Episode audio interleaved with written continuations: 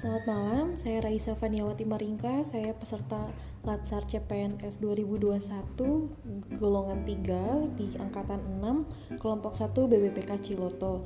Pada kesempatan ini saya ingin menyampaikan beberapa hal yang saya pelajari di agenda 3 hari pertama ini.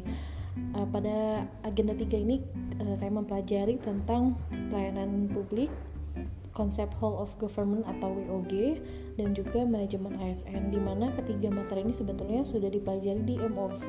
Namun pada distance learning ini memang diperdalam melalui tugas kelompok dan tugas individu.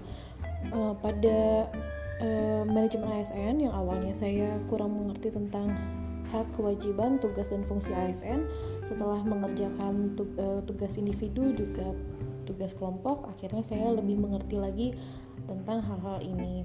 Kemudian pada konsep WOG dan pelayanan publik, saya mempelajari tentang bagaimana bersikap dan berperilaku uh, dalam pelayanan publik di instansi pemerintah. Juga pada hari ini saya mempelajari uh, bagaimana cara menapis isu ya, dan mem membuat prioritas isu dengan teknik yang saya gunakan adalah teknik USG. Sekian pemaparan dari saya. Terima kasih. Selamat malam. thank you